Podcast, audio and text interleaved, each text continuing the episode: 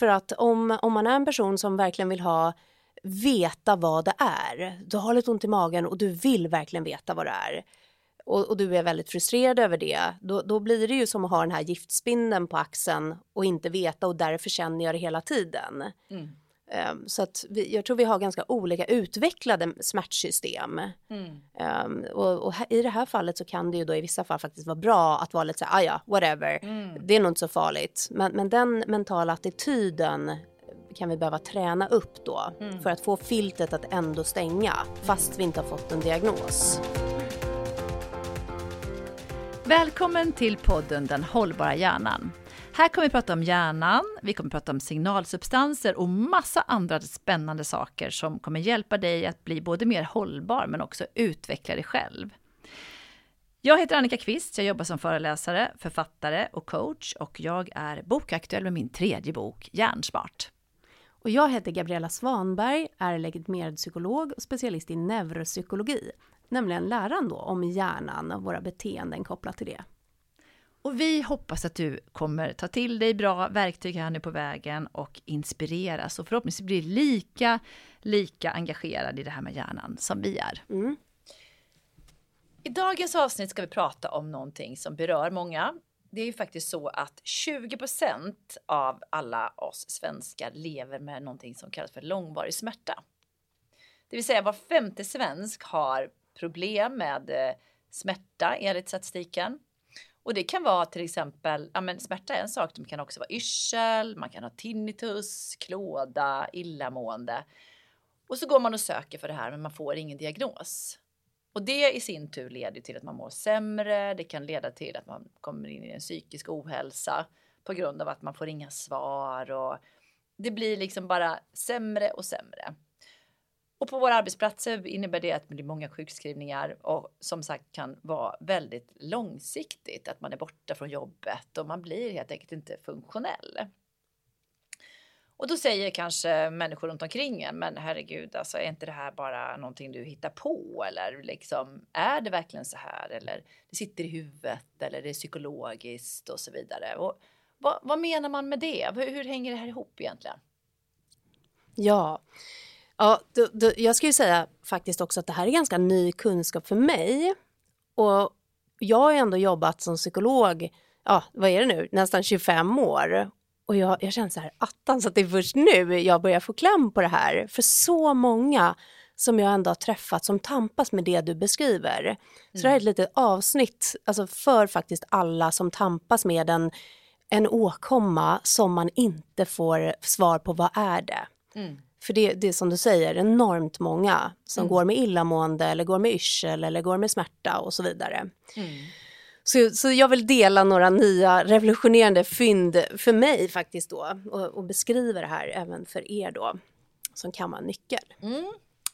Spännande. Ja, uh, och, och då var det ju så här att jag det var faktiskt en klient som hörde av sig till mig och sa så här, jag har varit hos en neurolog på Neurocenter och förstått det här med smärtfiltret och filterstörningar. Mm. Och, och, och jag som var då ganska frågande, det här var väl något år sedan, tänkte jaha, ja vänta vad är det du menar? Uh, men, alltså, du, du måste gå dit och, och lära dig mer om det här. Och, och jag begav mig dit och pratade med en neurolog och har sedan läst på. Och då, då är det så här alltså, som, som jag har förstått det då, att eh, om vi tänker så här, ni som lyssnar nu. Om jag säger till er så här, om ungefär 30 sekunder kommer du känna din tröja du har på dig. Eller skjorta. Mm. Så kan, kommer du säkert känna det. Eller om jag, känner, om jag säger så här, nu om några sekunder så kommer du känna dina skor. Kommer du säkert känna dem. Mm. Men du har nog inte suttit och tänkt på det innan. Och då är det så här att då, du har just öppnat ditt filter. Du känner dem nu när du får den lilla påminnelsen. Men innan så har det då filtrerats bort. Och för att man ska tänka sig det här då så kan du tänka dig som då den här neurologen sa till mig. Mm. Tänk dig att du och jag är ute och går i djungeln i ehm, eller vet du, jag, jag gör om det. Jag säger så här hur, hur det vanligtvis går till. Då tänker vi så här.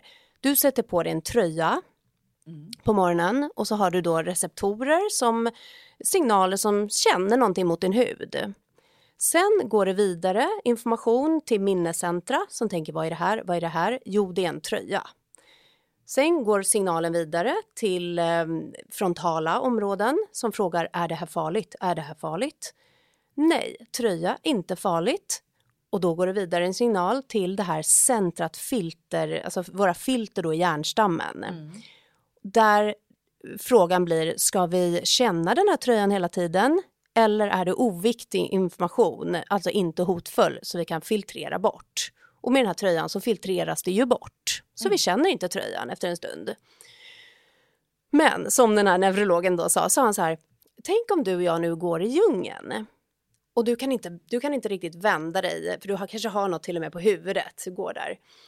Och så känner du hur någonting dimper ner på din axel. Och du vet inte om det här är en giftspindel eller en gren. Så det är en ganska stor grej som dimper ner. Och så frågar han mig då, hur, hur länge tror du att du kommer känna den här grejen på axeln? Och jag som dessutom är rädd med spindlar blev mm. ju såklart, känner ju, oh my god, det här kommer jag ju känna. Eh, jag kan inte se att jag kommer filtrera bort det här tills jag vet vad det är. Mm. Och här har vi då nyckeln. För vi är ju programmerade till att känna det som är överlevnadsmässigt viktigt. Mm. Såklart, hotfullt. Mm. Mm. Och om vi då får något problem med det här filtret så kan det vara så att det filtrerar inte bort eh, något som bör filtreras mm. bort. Så att vi känner någonting hela tiden. Och, eh, om, om, och det här filtret heter då ARAS, Ascending Reticular Activating System, mm. ARAS. Mm. Och därför eh, menar då nu ett flertal forskare att man kan alltså ha filterstörningar. Det är då en överreaktion på kroppens normala fenomen.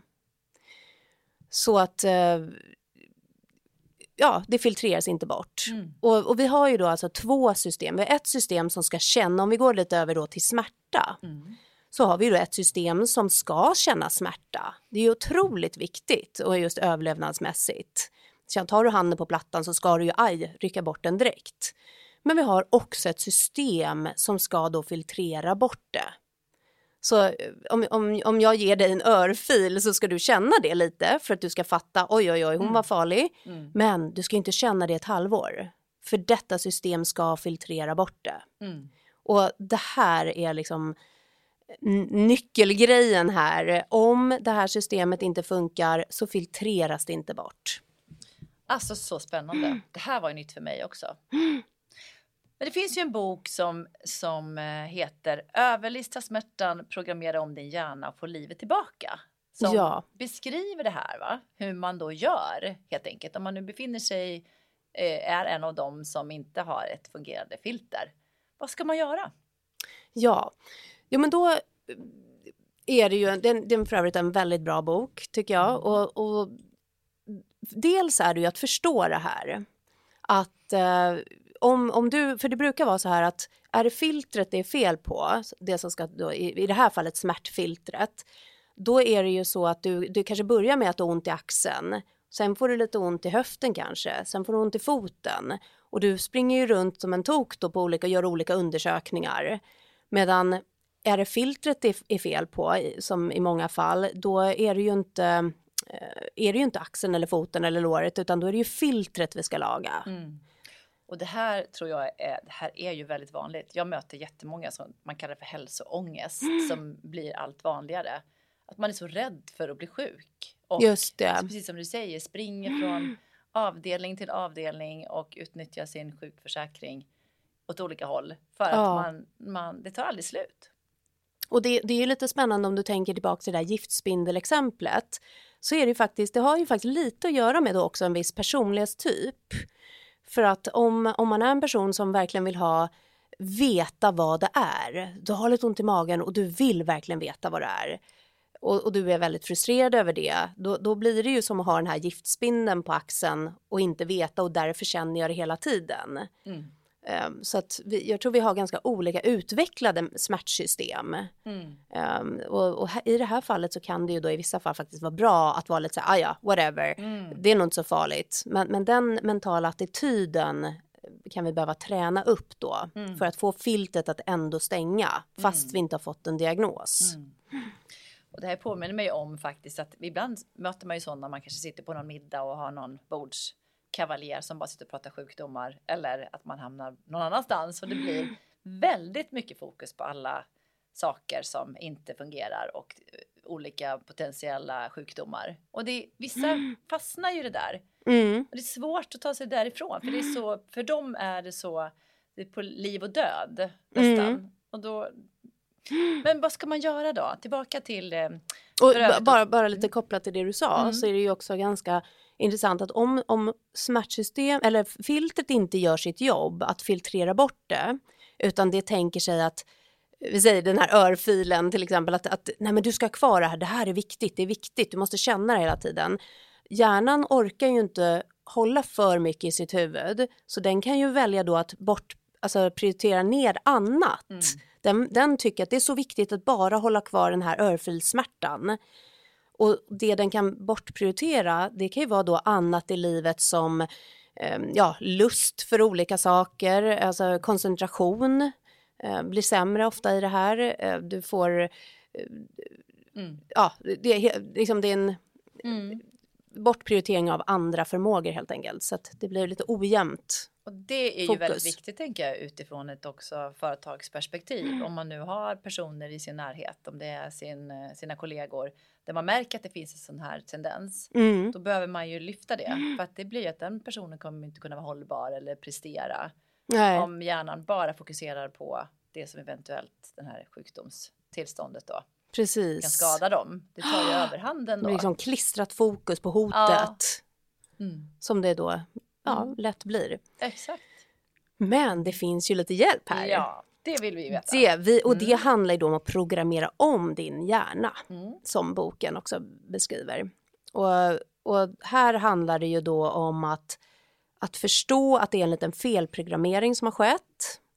Eh, och jag vill också påpeka att det här handlar ju om att man har gjort undersökningar och vet, ja, man, man, man har i alla fall fått höra av läkare att det är inget fel på Mm. Din, säger, ditt diskbråck har läkt men du, du känner smärtan ändå. Så att givetvis har man ju kollat upp sig eh, tillräckligt och fått höra att det är inget fel på dig. Och då så, då gäller det ju helt enkelt att gå emot eh, smärtsignalerna, alltså det som säger nej, nej, nej, rör inte på dig till exempel. Om mm. det säger att du ont i din nacke och så säger du oh, jag menar, smärtan kommer ju säga till dig, håll, var försiktig, rör inte på dig. Mm. Men metoden här är att det är precis tvärtom. Eh, det du behöver är att våga utmana mm. och i små steg helt enkelt om det nu är vrida nacken börja promenera, börja gå eller springa faktiskt lite snabbare. Mm. Så att det är ett, att ge dig nya intryck och få din hjärna att fatta mm.